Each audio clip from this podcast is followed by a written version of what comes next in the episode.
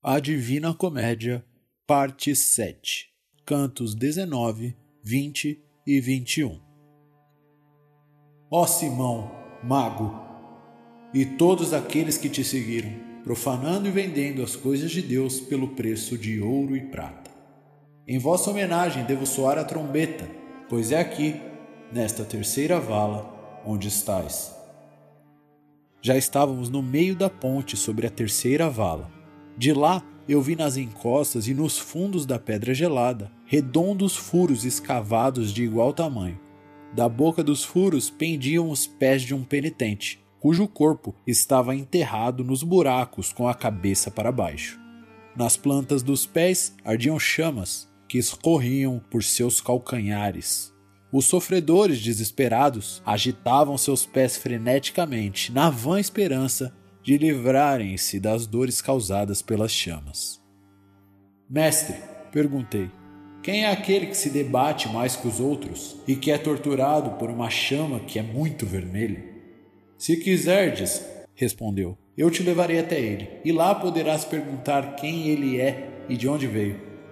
Concordei e ele me ajudou na descida difícil, me segurando enquanto passávamos pelas beiras esburacadas, só quando eu estava diante do pecador foi que ele me soltou. Alma desgraçada que estás plantada, fale se puder. Fui dizendo, enquanto me abaixava diante dele. Já está aí, Bonifácio? Falou a alma, pensando que eu fosse outra pessoa. Fiquei imóvel, sem saber como responder.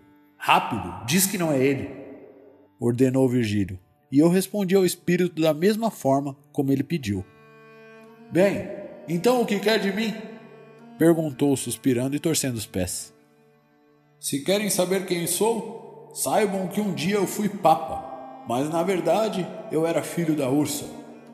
Por tanto procurar embolsar ouro naquele mundo, aqui eu mesmo fui embolsado. E enquanto eu falava essas palavras, aqueles pés escoiciavam mais ainda, talvez por ira ou por mordidas na consciência. O mestre então me levou de volta à ribanceira e seguimos para a quarta vala. Da nossa posição sobre a quarta vala, pude ver procissões caladas caminhando e pude ouvir o seu pranto. Mas quando olhei com mais atenção, eu vi que todas as pessoas tinham a cabeça torcida, só podiam andar para trás, pois olhar para frente não era permitido. Vendo tal imagem torta e as lágrimas que vertiam descendo por suas costas, não pude conter-me e chorei também. Está emocionado com esses tolos? perguntou o meu guia, repreendendo-me. Aqui neste lugar a piedade vive quando a piedade é morta. Quem pode ser mais cruel que o homem que tenta controlar a vontade divina? Levanta o rosto e veja Anfiaral, que tentou fugir da guerra. Sabe por que ele e os outros têm a cabeça virada para trás? É porque em vida quiseram ver mais adiante. Foram todos adivinhos e astrólogos que agora só podem olhar para o passado. Olha lá, Tirésias, que foi um homem e também mulher. Vearonta e também Manto, que deu nome à minha cidade, Mantua. Depois de mostrar o vidente de Manto, Virgílio me contou como ele percorreu o mundo por muitos anos até encontrar a planície desabitada no norte da Itália e lá estabelecer para sempre um local de magia para si e seus servos. E lá ele morreu. Assim, dali de seus ossos, Mantua ganhou seu nome. Mestre, respondi, me diga, dessa gente que passa, há alguma outra digna de nota? Sim, mas pertence a uma outra época. De cima da outra ponte, paramos para ver a próxima fissura do Malebolge, que era incrivelmente escura. Lá embaixo, um grosso breu fervia. Eu olhava, mas nada via, a não ser as bolhas de piche e fervura que se levantavam. Enquanto meus olhos procuravam alguma coisa naquela escuridão, meu guia gritou: Cuidado, cuidado! E logo me arrancou do lugar de onde eu estava. Voltei-me e vi logo atrás um diabo preto que corria em nossa direção. Ele tinha um aspecto feroz. Com suas asas abertas, ele corria. Levava um pecador em seu ombro pontiagudo, que pelos tendões dos pés tinha se segurado. Parou diante do breu fervente e arremessou o corpo. É melhor que te escondas, sussurrou o mestre, preocupado com a presença de tantos demônios. Não é bom que saibam da tua presença. Fica aí atrás da pedra e não saia de lá até que eu te chame. Fui e obedeci. Seu temor tinha sentido. Quando o mestre chegou ao outro lado da vala, eles surgiram. Saíram todos debaixo da ponte quando viram meu guia. Apontaram seus arpões na direção dele. Nenhum de vocês é inimigo, gritou Virgílio. E antes que me ataquem, que venha um e me ouça. Vai, Malacoda! gritaram os outros. E então um dos diabos se separou do grupo e se aproximou, rosnando. Malacoda, você não teria chegado até aqui se não fosse por vontade divina. Me deixa seguir, pois no céu a vontade é que eu guie alguém por este caminho. Com isto, o orgulho dele caiu, assim como seu arpão que parou em seus pés, e gritou para os outros: Não toquem nele. O mestre então gritou, ordenou que eu saísse, e eu saí.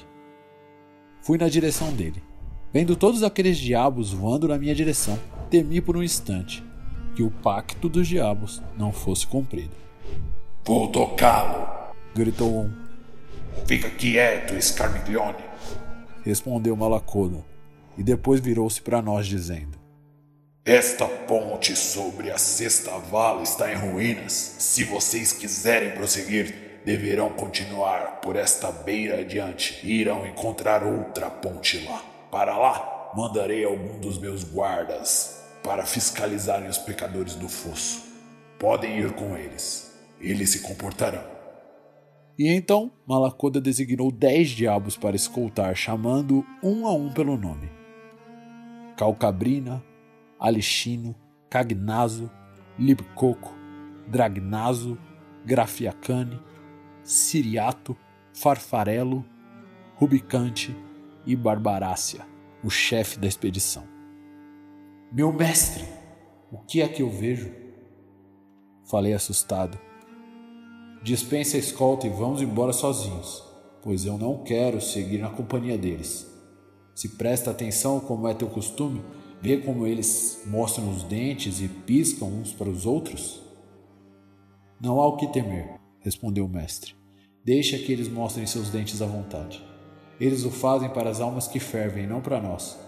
Antes de seguirmos pela beira, os demônios saudarão Malacoda soprando com a língua, e então seguiremos embora. Personagens e símbolos do canto 19, 20 e 21. Papa Bonifácio VII tornou-se Papa em 1294 ao persuadir o seu antecessor, Celestino V. Além dos desentendimentos com os italianos, o Papa Bonifácio ficou conhecido por seus constantes confrontos com o rei Filipe IV, o Belo, da França. Várias vezes o Papa se desentendeu com os priores de Florença, entre os quais Dante, tendo por fim conseguido provocar sua expulsão da cidade. Os adivinhos. Os sofredores daquela vala têm a cabeça torcida para trás de forma que não conseguem olhar para frente. É o contrapasso por alegar saber o futuro que é só pertence a Deus. Mantua. No poema original, depois de apontar o vidente manto, Virgílio faz uma longa descrição da história da cidade onde nasceu. Os demônios. Malacoda significa malvada cauda, Calcabrina, pisa-neve, Alexino, asa baixa, Cagnazo, focinho de cão, Barbarícia, barba crespa, Libicoco, libiano, Dragnazo, dragão feio, Grafiacane, esfola cães, Siriato, porcalhão, Farfarelo, duende e Rubicante, vermelhaço.